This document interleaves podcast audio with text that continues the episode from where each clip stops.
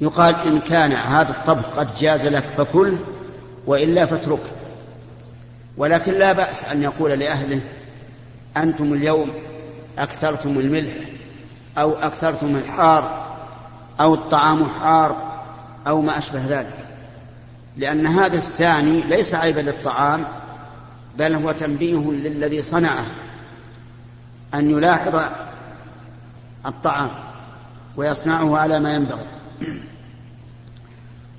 وأما مدح الطعام والثناء عليه فذكر حديث عائشة رضي الله عنها أن النبي صلى الله عليه وسلم قال هل عندكم من أدم قالوا ما عندنا شيء إلا الخل. والخل عبارة عن ماء يوضع فيه التمر حتى يكون حلوا فجيء إليه بالطعام بالخل فجعل يعتدم به يعني يغط فيه الخبز ويأكلها.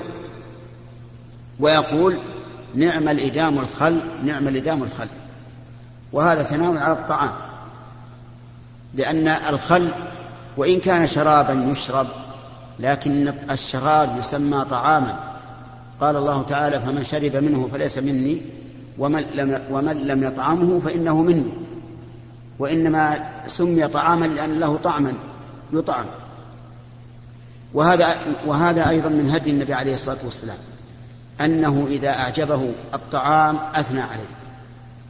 وكذلك مثلا لو أثنيت على الخبز قلت نعم الخبز خبز فلان أو ما أشبه ذلك فهذا أيضا من سنة الرسول صلى الله عليه وعلى آله وسلم. والله موفق.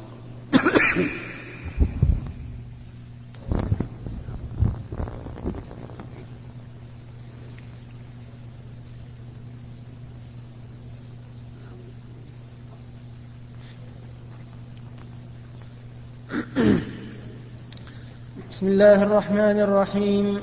الحمد لله رب العالمين والصلاة والسلام على نبينا محمد وعلى آله وصحبه أجمعين.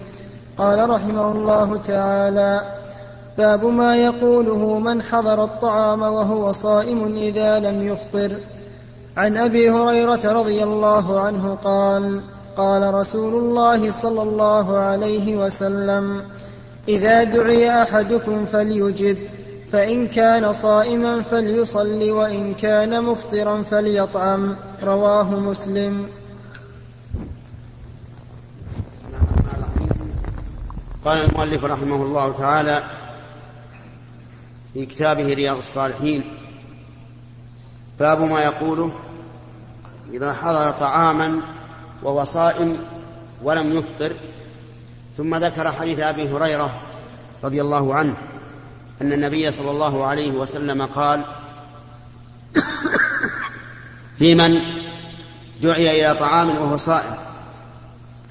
قال إن كان مفطرا فليأكل وإن كان صائما فليصلي يعني فليدعو لأن الصلاة هنا يراد بها الدعاء كما هو في اللغة العربية أن الصلاة هي الدعاء. أما في الشرع فالصلاة هي العبادة المعروفة إلا إذا دل الدليل على أن المراد به الدعاء بها الدعاء فهو على ما دل عليه الدليل. فالإنسان إذا دعي إلى طعام وحضر فلا يكفي الحضور بل يأكل لأن الرجل الذي دعاك لم يصنع الطعام إلا ليؤكل. فقد تكلف لك وصنع طعاما أكثر من طعام أهله ودعاك إليه. فإذا قلنا لا تأكل أو قلنا لا حرج عليك إن تركت الأكل لازم من هذا أن يبقى طعامه لم يؤكل.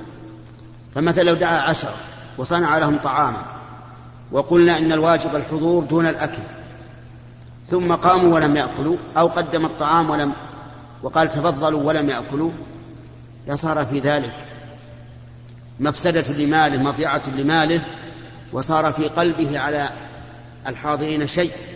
لماذا لم يأكلوا طعاما فنحن نقول إذا دعاك داع فالسنة أن تجيبه. إلا إذا كان الداعي هو الزوج في وليمة العرس فإن الواجب أن تجيب إلى دعوته. ولا يحل لك أن تمتنع. لقول النبي صلى الله عليه وعلى آله وسلم من لم يجب يعني دعوة الوليمة فقد عصى الله ورسوله. أما غيرها من الدعوات مثل إنسان دعاك لطعام لأنه قدم من سفر أو لأنه دعا أصحابه وما أشبه ذلك فأنت بالخيار. إن شئت فأجب وإن شئت فلا تجب لكن الأفضل أن تجيب. هذا الذي عليه جمهور العلماء. وقال بعض العلماء يجب أن تجيب. في في دعوة الطعام في العرس وغيره إلا لسبب شرعي. فإذا حضرت فإن كنت مفطرا فكل وإن كنت صائما فادعو لصاحب الطعام وأخبره بأنك صائم حتى لا يكون في قلبه شيء. وإن رأيت أنه إذا أك... أنك إذا أكلت إذا أفطرت وأكلت صار أطيب لقلبه فأفطر. إلا أن يكون الصوم صوم فريضة فلا تفطر. فتبين الآن أن المسألة ثلاثة أحوال. إذا دعاك وأنت مفطر فكل. إذا دعاك وأنت صائم صوم فريضة فلا تأكل ولا تفطر. إذا دعاك وأنت صائم صوم نفل فأنت بالخيار. إن شئت فأفطر وكل وإن شئت فلا تأكل وأخبره بأنك صائم واتبع في ذلك ما هو الأصلح إذا رأيت أن من من الخير أن تفطر فأفطر وكل. وإلا فلزوم الصيام أولى. والله أعلم. نعم.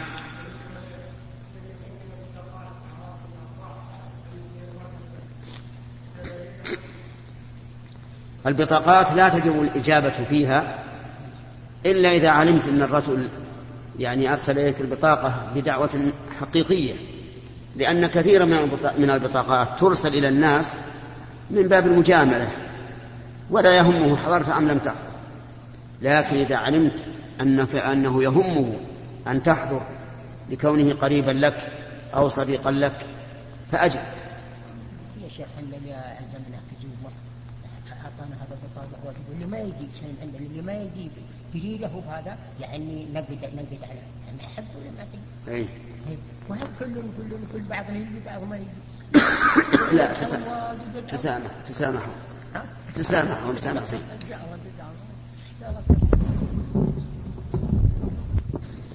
بسم الله الرحمن الرحيم الحمد لله رب العالمين والصلاة والسلام على نبينا محمد وعلى آله وصحبه أجمعين قال رحمه الله تعالى باب ما يقوله من دعي إلى طعام فتبعه غيره. عن أبي مسعود البدري رضي الله عنه قال دعا رجل النبي صلى الله عليه وسلم لطعام صنعه له خامس خمسة فتبعهم رجل. فلما بلغ الباب قال له النبي صلى الله عليه وسلم إن هذا تبعنا. فإن شئت أن تأذن وإن شئت رجع. قال بل آذن له يا رسول الله. متفق عليه. قال الحافظ النووي رحمه الله في كتاب رياض الصالحين في كتاب أدب الطعام. باب ما يقوله من دعي إلى طعام فتبعه غيره. ثم ذكر حديث أبي مسعود البدري رضي الله عنه أن رجلا دعا النبي صلى الله عليه وعلى آله وسلم إلى طعام. خامس خمسة يعني حدد العدد بأنهم خمسة فتبعهم رجل فكانوا ستة فلما بلغ النبي صلى الله عليه وسلم منزل الداعي استأذن للرجل السادس هل يدخل أم لا؟ فأذن له صاحب البيت. ففي هذا دليل على فوائد. اولا أنه يجوز للإنسان إذا دعا قوما أن يحدد العدد ولا حرج في ذلك. وبعض الناس يقول إنه إذا حدد العدد فإنه يعني أنه بخيل. لماذا يحدد؟ ولكن يقال قد يكون الإنسان قليل ذات اليد. يحتاج أن يحدد لأجل أن يصنع الطعام الذي لا يزيد عن كفايتهم ولا سيما في مكان يكون فيه عامة الناس فقراء. أما الأغنياء فالحمد لله لا يحددون. وفيه أيضا دليل على جواز اتباع الرجل للمدعوين من لعله يحصل على طعام. لأن النبي صلى الله عليه وعلى آله وسلم لم يمنع هذا الرجل من اتباعهم بل استأذن له. ولأنه ورد أيضا في حديث أبي هريرة رضي الله عنه حين استتبع النبي صلى الله عليه وسلم بل حين تبع النبي صلى الله عليه وعلى آله وسلم من أجل أن أن يشبع بطنه. وفيه أيضا دليل على أنه إذا جاء إذا جاء مع الإنسان من لم يدعى فإنه يستأذن له. خصوصا إذا كنت تظن أن صاحب البيت دعاك لغرض خاص لا يحب أن يطلع عليه أحد فحينئذ لا بد أن تستأذن. وفيه أيضا دليل على أنه لا حرج على صاحب البيت إذا لم يأذن للذي تبع المدعو لأنه لو كان في ذلك حرج ما استأذنه النبي عليه الصلاة والسلام. فلما استأذن دل على أنه بالخيار إن شاء أذن وإن شاء قال ارجع. وذلك أن الإنسان إذا استأذن على شخص فصاحب البيت بالخيار. إن شاء أذن له وإن شاء قال ارجع. وقد قال الله تعالى وإذا قيل وإذا قيل ارجعوا فارجعوا هو أزكى لكم. فلا يكون في صدرك حرج. ولا في نفسك ضيق إذا استأذنت على شخص وقال ارجع أنا الآن مشغول. خلافا لبعض الناس إذا استأذن على إنسان وقال له ارجع أنا مشغول صار في قلبه شيء وهذا غلط لأن الناس لهم حاجات خاصة في بيوتهم. وقد يكون لهم آه، تعلقات بأناس آخرين أهم. فإذا استأذنت على شخص في البيت وقال لك الآن عندي شغل ارجع فارجع بكل راحة وبكل طمأنينة لأن هذا هو الشر. والله موفق.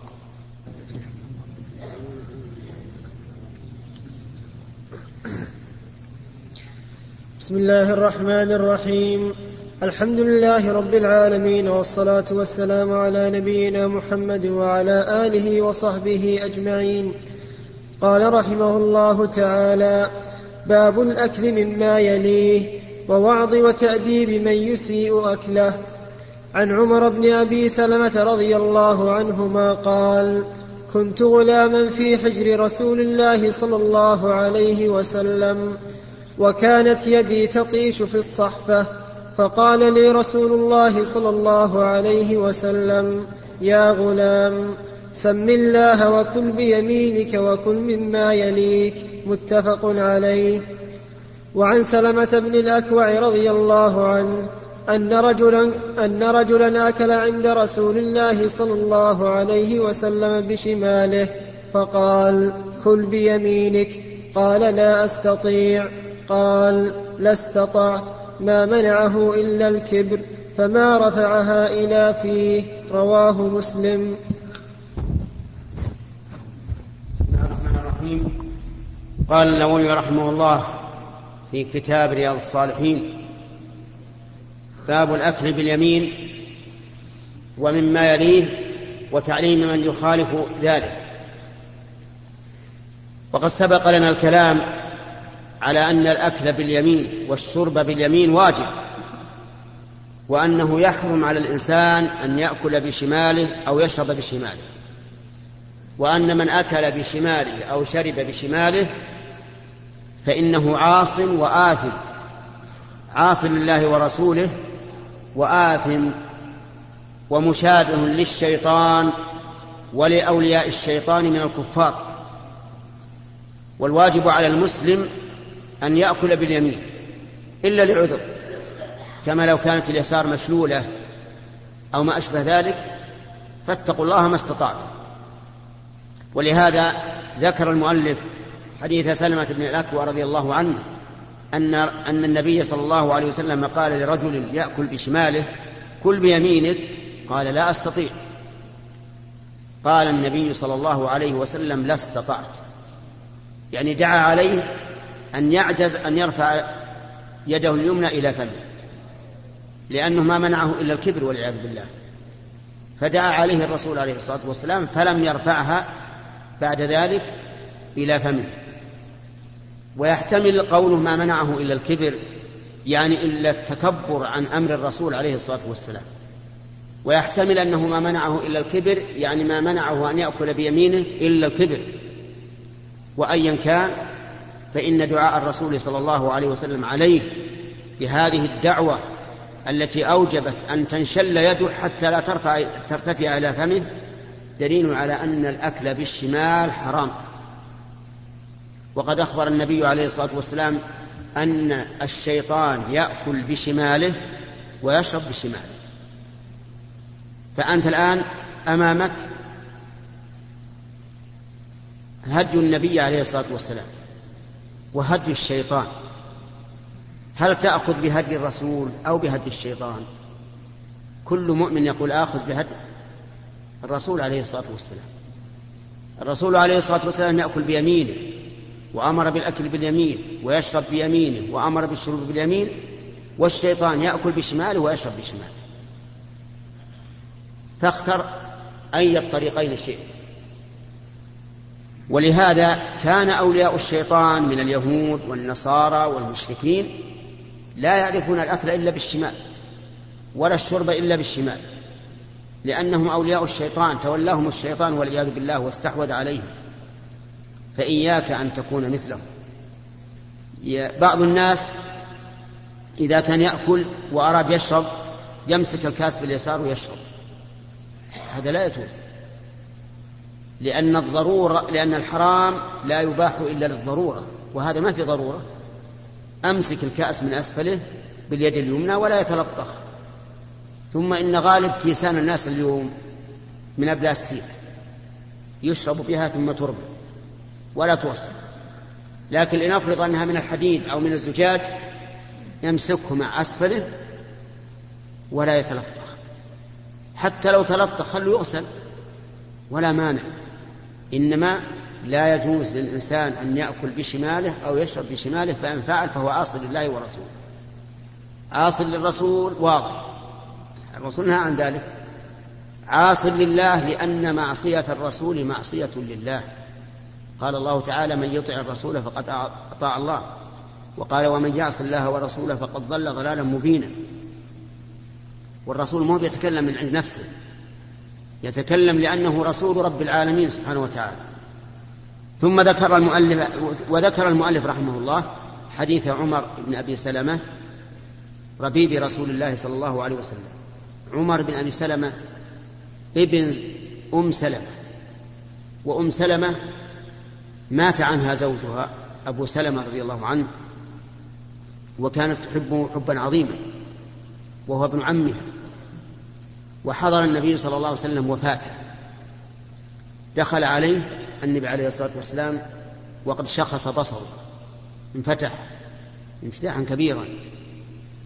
فقال عليه الصلاة والسلام إن إن الميت إذا قبض أو إن الروح إذا قبض آه نعم إن الميت إذا قبضت روحه تبعها البصر.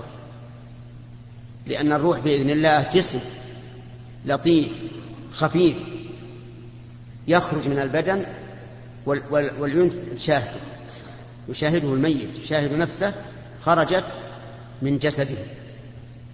قال إن الروح إذا قبض اتبعه البصر. فضج ناس من أهله. لما سمعوا كلام الرسول عليه الصلاة والسلام عرفوا أنه مات.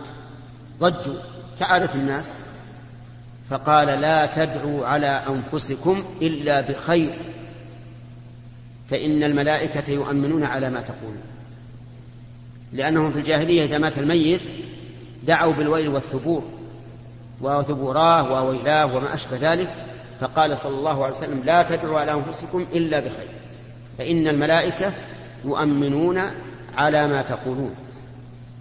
ثم أغمض النبي صلى الله عليه وسلم بصره. يعني رد أجفانه بعضها إلى بعض لئلا تبقى عيناه مفتوحتين. وهكذا ينبغي أن يغمض الميت إذا مات. لأنه إذا برد ما تستطيع أن تغمض عينيه. فما دام حارا أغمض عينيه. وقال اللهم اغفر لأبي سلمة. وارفع درجته في المهديين وافسح له في قبره ونور له فيه واخلفه في عقبه. يا لها من دعوات كل يتمناها. اللهم اغفر لأبي سلمة يعني ذنوبه. وارفع درجته في المهديين في جنات النعيم جعلنا الله وإياكم من أهلها. وافسح له في قبره واسع له في قبره. ونور له فيه. لأن القبر ظلمة إلا من نوره الله عليه نور الله قبورنا وقبوركم. واخلفه في عقبه يعني كن خليفته في عقبه. وكانت أم سلمة رضي الله عنها قد سمعت من النبي صلى الله عليه وسلم أن الإنسان إذا أصيب بمصيبة. فقال اللهم أجرني في مصيبتي وأخلف لي خيرا منها. أجره الله في مصيبته وأخلف له خيرا منها. فقالت ذلك. لما مات زوجها وابن عمها وأحب الناس إليها قالت اللهم أجرني في مصيبتي وأخلف لي خيرا منها. ثم جعلت تفكر تقول في بنفسها من خير من أبي سلمة؟ هي مؤمنة بأن الله سيخلف لها خيرا منها خيرا منه لكن تقول من خير من أبي سلمة؟ فما ان انتهت عدتها من وفاة زوجها حتى خطبها النبي عليه الصلاة والسلام. فكان النبي صلى الله عليه وسلم خيرا لها من أبي سلمة بلا شك. ثم إن إن الله استجاب دعوة الرسول صلى الله عليه وسلم لما قال في أبي سلمة اخلفه في عقبه خلفه الله في عقبه وجعل خليفة أبيهم من؟ رسول الله صلى الله عليه وسلم. نعم الخليفة. خلف أبا سلمة في أهله وفي أولاده. وكان منهم عمر بن أبي سلمة رضي الله عنه وكان صغيرا غلاما جلس مع الرسول صلى الله عليه وسلم يأكل. فجعلت يده تطيش في الصحفة. صبي صغير ما تعلم. تروح يمين ويسار ياكل مما يليه ومن, وسط الصحفه ومن الجانب الآخر. فقال له النبي صلى الله عليه وسلم يا غلام سم الله. يعني قل بسم الله عند الأكل. وكل بيمينك وكل مما يليك. كيف علم الرسول هذا؟ الغلام ثلاث سنن. سم الله والتسمية على الأكل واجبة. وكل بيمينك والأكل باليمين واجب. وكل مما يليك تأدبا مع صاحبك لأنه من سوء الأدب أنك تأكل من حافة صاحبك. كل مما يليك. فعلمه النبي عليه الصلاة والسلام ثلاث سنن في أكلة واحدة وهذه من بركات النبي صلى الله عليه وسلم أن يجعل الله فيه بركة يعلم في كل مناسبة. وكذلك ينبغي لطالب العلم وغير طالب العلم كل من علم سنة ينبغي أن يبينها في كل مناسبة. لا تقل أنا, ما أنا لست بعالم. نعم لست, لست بعالم لكن عندك علم. قال النبي عليه الصلاة والسلام بلغوا عني ولو آية واحدة. فينبغي للإنسان في مثل هذه الأمور أن ينتهز الفرص. كلما سنحت الفرصة لنشر السنة فانشرها يكن لك أجرها وأجر من عمل بها إلى يوم القيامة. والله موفق.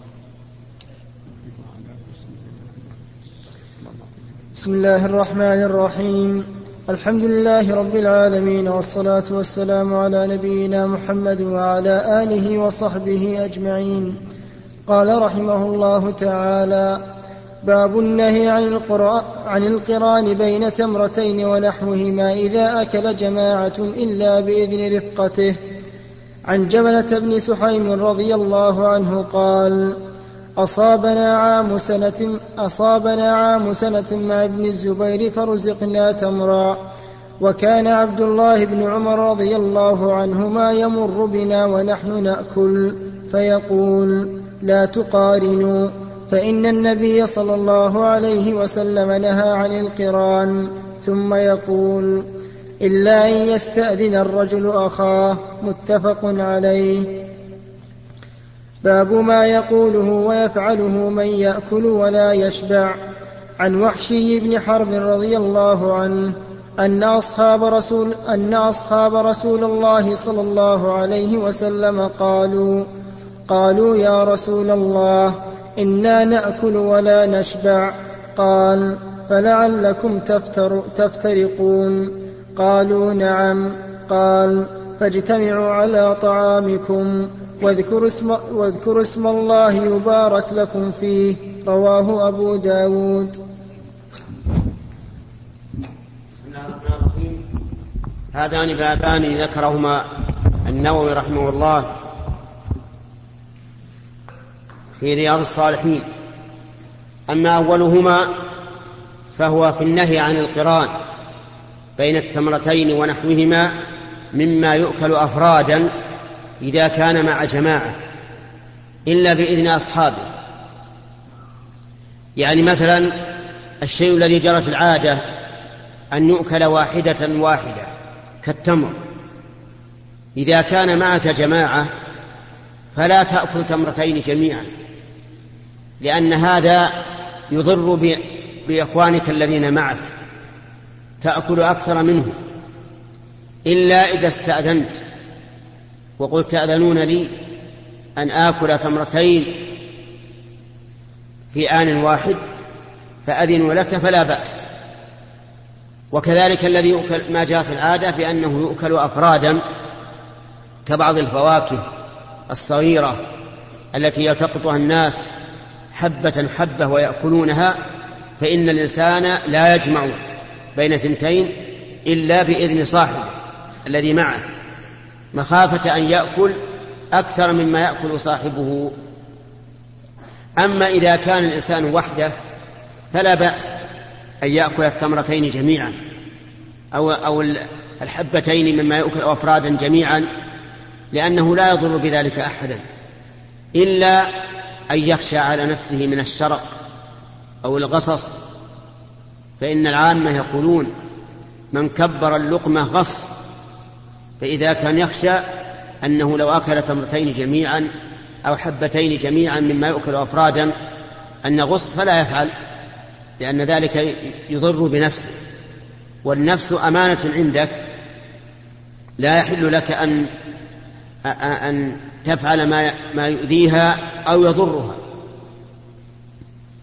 ثم ذكر المؤلف ما راه ابن عمر رضي الله عنهما عن النبي صلى الله عليه وسلم أنه نهى عن عن القران يعني أن يقرن الإنسان بين تمرتين إلا أن يستأذن من كان معه فلا بأس.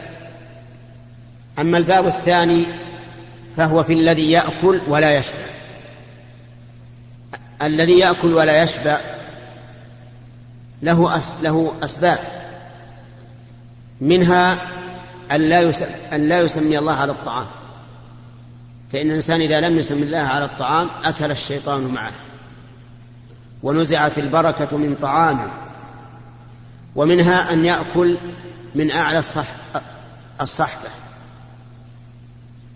فإن ذلك أيضا مما ينزع البركة من الصحفة. لأن النبي صلى الله عليه وعلى آله وسلم نهى أن يأكل الإنسان من أعلى الصح الصحفة فإن فيه البركة بل يأكل من الجوانب ومنها التفرق على الطعام فإن ذلك أيضا من أسباب نزع البركة لأنه أي التفرق يستلزم أن كل واحد يجعل له إناء خاص فيتفرق الطعام وتنزع بركته. ولذلك لو أنك جعلت لكل إنسان طعاما يعني في في صحن واحد أو في إناء واحد. لا لتفرق الطعام. لكن إذا جعلته كله في إناء واحد اجتمعوا عليه وصار في القليل بركة. وهذا يدل على أنه ينبغي للجماعة أن يكون طعامهم في إناء واحد. يعني جاب صحن يكفي العشرة أو الخمسة حسب الذين في البيت ويكون طعامهم واحدا فإن ذلك من أسباب نزول البركة والتفرق من أسباب نزع البركة. والله موفق. بسم الله الرحمن الرحيم. الحمد لله رب العالمين والصلاة والسلام على نبينا محمد وعلى آله وصحبه أجمعين. قال رحمه الله تعالى باب الأمر بالأكل من جانب من جانب القصعة. والنهي عن الأكل من وسطها.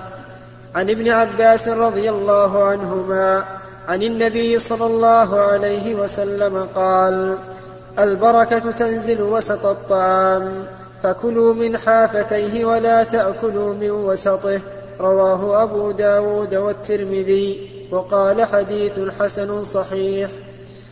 وعن عبد, وعن عبد الله بن بسر رضي الله عنه قال كان للنبي صلى الله عليه وسلم قصعة يقال لها الغراء, الغراء. يقال لها الغراء. يحملها أربعة رجال. فلم فلما أضحوا وسجدوا الضحى أتي بتلك القصعة. يعني ترد فيها. فالتفوا عليها. فلما كثر جثى رسول الله صلى الله عليه وسلم. فقال أعرابي ما هذه الجلسة؟ فق فقال أعرابي ما هذه الجلسة؟ فقال رسول الله صلى الله عليه وسلم إن الله جعلني عبدا كريما ولم يجعلني جبارا عنيدا. ثم قال رسول الله صلى الله عليه وسلم كلوا من حواليها. ودعوا, ودعوا ذروتها يبارك فيها. رواه أبو داود بإسناد جيد.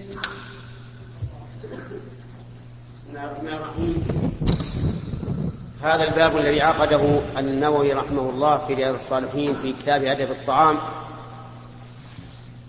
يفيد ما أشرنا إليه فيما سبق وهو أنه ينبغي للناس أن يأكلوا من حوائف القصعة لا من يعني من جوانبها لا من وسطها يعني لا من أعلاها. ففي حديث عبد الله بن عباس وعبد الله بن بسر رضي الله عنهما ما يدل على ذلك وأن الإنسان إذا قدم إليه الطعام فلا يأكل من أعلاه يأكل من الجانب وإذا كان معه جماعة فليأكل مما يليه ولا يأكل مما يلي غيره. وفي قوله صلى الله عليه وسلم إن البركة تنزل في أعلاها يدل على أن الإنسان لو أكل من أعلاها أي من الوسط نزعت البركة من الطعام. قال أهل العلم إلا إذا كان الطعام أنواعا وكان اللحم وكان نوع منه في الوسط وأراد أن يأخذ منه شيئا فلا بأس مثل أن يوضع اللحم في وسط الصحفة فإنه لا بأس أن تأكل من اللحم ولو كان في وسطه لأنه ليس له نظير في, في, في جوانبها فلا حرج. كما أن النبي صلى الله عليه وعلى آله وسلم كان يتتبع الدباء يلتقطها من الصحفة كلها والدبة هي القرعة. وفي حديث عبد الله بن بسر رضي الله عنه دليل على استحباب ركعتي الضحى. لقوله فلما سجدوا الضحى أي لما صلوا صلاة الضحى. وصلاة الضحى سنة ووقتها من ارتفاع الشمس قدر الرمح يعني من ربع ساعة من طلوع الشمس إلى قبيل الزوال. يعني إلى أن يبقى على الظهر عشر دقائق. كل هذا وقت له. وهي سنة ينبغي للإنسان أن يحافظ عليها لأنها أي أي ركعتي الضحى تغني عن الصدقات التي تصبح على كل عضو من أعضاء البدن كما أخبر النبي صلى الله عليه وعلى آله وسلم بأنه يصبح على كل سلامة من الناس صدقة كل يوم تطلع فيه الشمس. يعني كل عضو من أعضائك عليك به صدقة كل يوم. لكن ليس صدقة مال فقط بل التسبيح صدقة والتكبير صدقة والتهليل صدقة وقراءة القرآن صدقة والأمر بالمعروف صدقة والنهي عن المنكر صدقة ومعونة الرجل على عفشه وما أشبه ذلك صدقة والكلمة الطيبة صدقة وإتيان الرجل زوجته صدقة. كل شيء يتقرب به, العبد إلى ربه فهو صدقة. وينسو عن ذلك ركعتان يركعهما من الضحى. وهذا يدل على أن سنة الضحى سنة في كل يوم. وفيه أيضا دليل على أن الإنسان عند الأكل لا يأكل متكئا وإنما يأكل مستوفزا يعني جاثيا على ركبتيه حتى لا يكثر من الأكل. لقول النبي عليه الصلاة والسلام في الإكثار من الأكل ما ملأ ابن, آدم وعاء شرا من بطن. فإن كان لا محالة فثلث لطعامه وثلث لشرابه وثلث لنفسه. هذا هو الأكل النافع الطبيعي. وإذا جعت فكل الأمر ليس مقصورا على على ساعات معينة. يعني لو قال الإنسان لو اقتصرت على ثلث وثلث وثلث يمكن أجوع قبل أن يأتي وقت العشاء. نقول إذا جعت فكل شيء موجود لكن كونك تأكل هذا الخفيف يكون أسهل للهضم وأسهل للمعدة. المعدة تهضمه آه، براحة. وإذا اشتهيت فكل. وهذا من من الطب النبوي. لكن لا بأس بالشبع أحيانا لأن النبي صلى الله عليه وعلى آله وسلم أقر أبا هريرة رضي الله عنه حينما سقاه اللبن وقال اشرب اشرب اشرب حتى قال والله لا أجد له مساغا. يعني لا أجد له مكانا. فأقره النبي صلى الله عليه وسلم على ذلك. إنما الذي ينبغي أن يكون الأكثر في أكلك أن يكون كما أمر النبي عليه الصلاة بل كما أرشد إليه النبي صلى الله عليه وسلم. ثلث للطعام وثلث للشراب وثلث للنفس. والله موفق. بسم الله الرحمن الرحيم. الحمد لله رب العالمين والصلاة والسلام على نبينا محمد وعلى آله وصحبه أجمعين. قال رحمه الله تعالى باب كراهية الأكل متكئا. عن أبي جحيفة وهب بن عبد الله رضي الله عنه قال قال رسول الله صلى الله عليه وسلم لا آكل متكئا. رواه البخاري. وعن انس رضي الله عنه قال رأيت رسول الله صلى الله عليه وسلم جالسا مقعيا يأكل تمرا. رواه مسلم. بسم الله الرحمن الرحيم. قال النووي رحمه الله في رياض الصالحين في كتاب أدب الطعام باب النهي عن الأكل متكئا. الأكل ينقسم بالنسبة للجلوس له إلى قسمين. قسم منهي عنه وليس من هدي النبي صلى الله عليه وعلى آله وسلم وهو أن يأكل الإنسان متكئا إما على اليد اليمنى أو على اليد اليسرى. وذلك لأن الاتكاء يدل على غطرسة وكبرياء. وهذا معنى نفسي ولأنه إذا أكل متكئا يتضرر حيث يكون مجرى الطعام متمايلا ليس مستقيما فلا يكون على طبيعته فربما حصل في مجال الطعام أضرار من ذلك.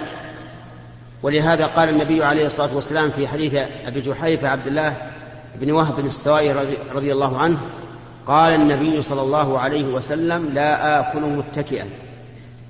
يعني ليس من هدي أن آكل متكئا. وذلك للسببين اللذين ذكرناهما. سبب معنوي يقوم بالنفس وهو الكبرياء وسبب حسي يتعلق بالبدن وهو الضرر الذي ينتج عن الأكل على هذا الوجه. وذكر المؤلف حديث أنس أن النبي صلى الله عليه وسلم أنه رأى النبي صلى الله عليه وسلم يأكل تمرا مقعيا والإقعاء أن ينصب قدميه ويجلس على عقبيه. هذا هذا هو الإقعاء وإنما أكل النبي صلى الله عليه وسلم كذلك لأن لئلا يعني يستقر في الجلسة فيأكل أكلا كثيرا لأن الغالب أن الإنسان إذا كان مقعيا لا يكون مطمئنا في الجلوس فلا يأكل كثيرا وإذا كان إذا كان غير مطمئن لا يأكل كثيرا وإذا كان مطمئنا فإنه يأكل كثيرا. هذا هو الغالب. وربما يأكل الإنسان كثيرا وهو غير مطمئن وربما يأكل قليلا وهو مطمئن. لكن من أسباب تقليل الأكل أن لا يستقر الإنسان في جلسته. وأن لا يكون مطمئنا الطمأنينة الكاملة. والحاصل أن عندنا جلستين الجلسة الأولى الاتكاء وهذه ليس من هدي النبي صلى الله عليه وسلم أن يأكل متكئا. والبقية كله جائز كل أنواع الجلوس جائزة. لكن أحسن ما يكون أن لا تجلس جلسة الإنسان المطمئن المستقر لئلا يكون ذلك سببا لإكثار الطعام. وإكثار الطعام لا ينبغي. الأفضل أن يأكل الإنسان ثلثا للطعام للأكل وثلثا للشراب وثلثا للنفس. هذا أصح ما يكون في الغذاء. فإن تيسر فهذا هو المطلوب. ولا بأس أن يشبع الإنسان أحيانا. والله الموفق هذا لا. بسم الله الرحمن الرحيم. الحمد لله رب العالمين والصلاة والسلام على نبينا محمد وعلى آله وصحبه أجمعين. قال رحمه الله تعالى باب استحباب الأكل بثلاث أصابع واستحباب العقل واستحباب لعق الأصابع وكراهة مسحها قبل لعقها واستحباب لعق القصعة. عن ابن عباس رضي الله عنهما قال قال رسول الله صلى الله عليه وسلم إذا أكل أحدكم طعاما فلا يمسح أصابعه حتى يلعقها أو يلعقها. متفق عليه. وعن كعب بن مالك رضي الله عنه قال رأيت رسول الله صلى الله عليه وسلم يأكل بثلاث أصابع فإذا فرغ لعقها. رواه مسلم. وعن جابر رضي الله عنه أن رسول الله صلى الله عليه وسلم أمر بلعق الأصابع والصحفة وقال إنكم لا تدرون في أي طعامكم البركة. رواه مسلم. وعنه أن رسول الله صلى الله عليه وسلم قال إذا وقعت لقمة أحدكم فليأخذها فليمط ما كان بها من أذى وليأكلها. ولا يدعها للشيطان ولا يمسح يده بالمنديل حتى يلعق أصابعه فإنه لا يدري في أي طعامه البركة. رواه مسلم. وعنه أن رسول الله صلى الله عليه وسلم قال إن الشيطان يحضر أحد إن الشيطان يحضر أحدكم عند كل شيء.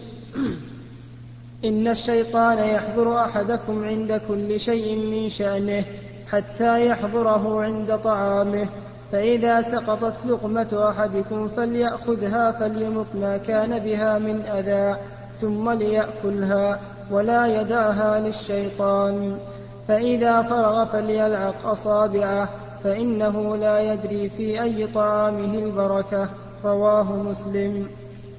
وعن انس رضي الله عنه قال كان رسول الله كان رسول الله صلى الله عليه وسلم إذا أكل طعاما لعق أصابعه الثلاث وقال إذا سقطت لقمة أحدكم فليأخذها وليمط, وليمط عنها الأذى وليأكلها ولا يدعها للشيطان. وأمرنا أن, وأمرنا أن نسبت القصعة وقال إنكم لا تدرون في أي طعامكم البركة رواه مسلم. وعن سعيد بن الحارث رضي الله عنه أنه سأل جابر رضي الله عنه عن الوضوء عن الوضوء مما مست النار فقال لا قد كنا زمن النبي صلى الله عليه وسلم لا نجد مثل ذلك الطعام إلا قليلا.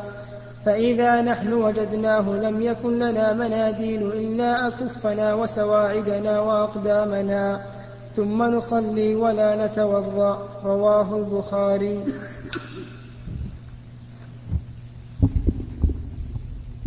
هذه الأحاديث التي ذكرها المؤلف رحمه الله في كتابه رياض الصالحين في آداب الطعام تضمنت مسائل متعددة.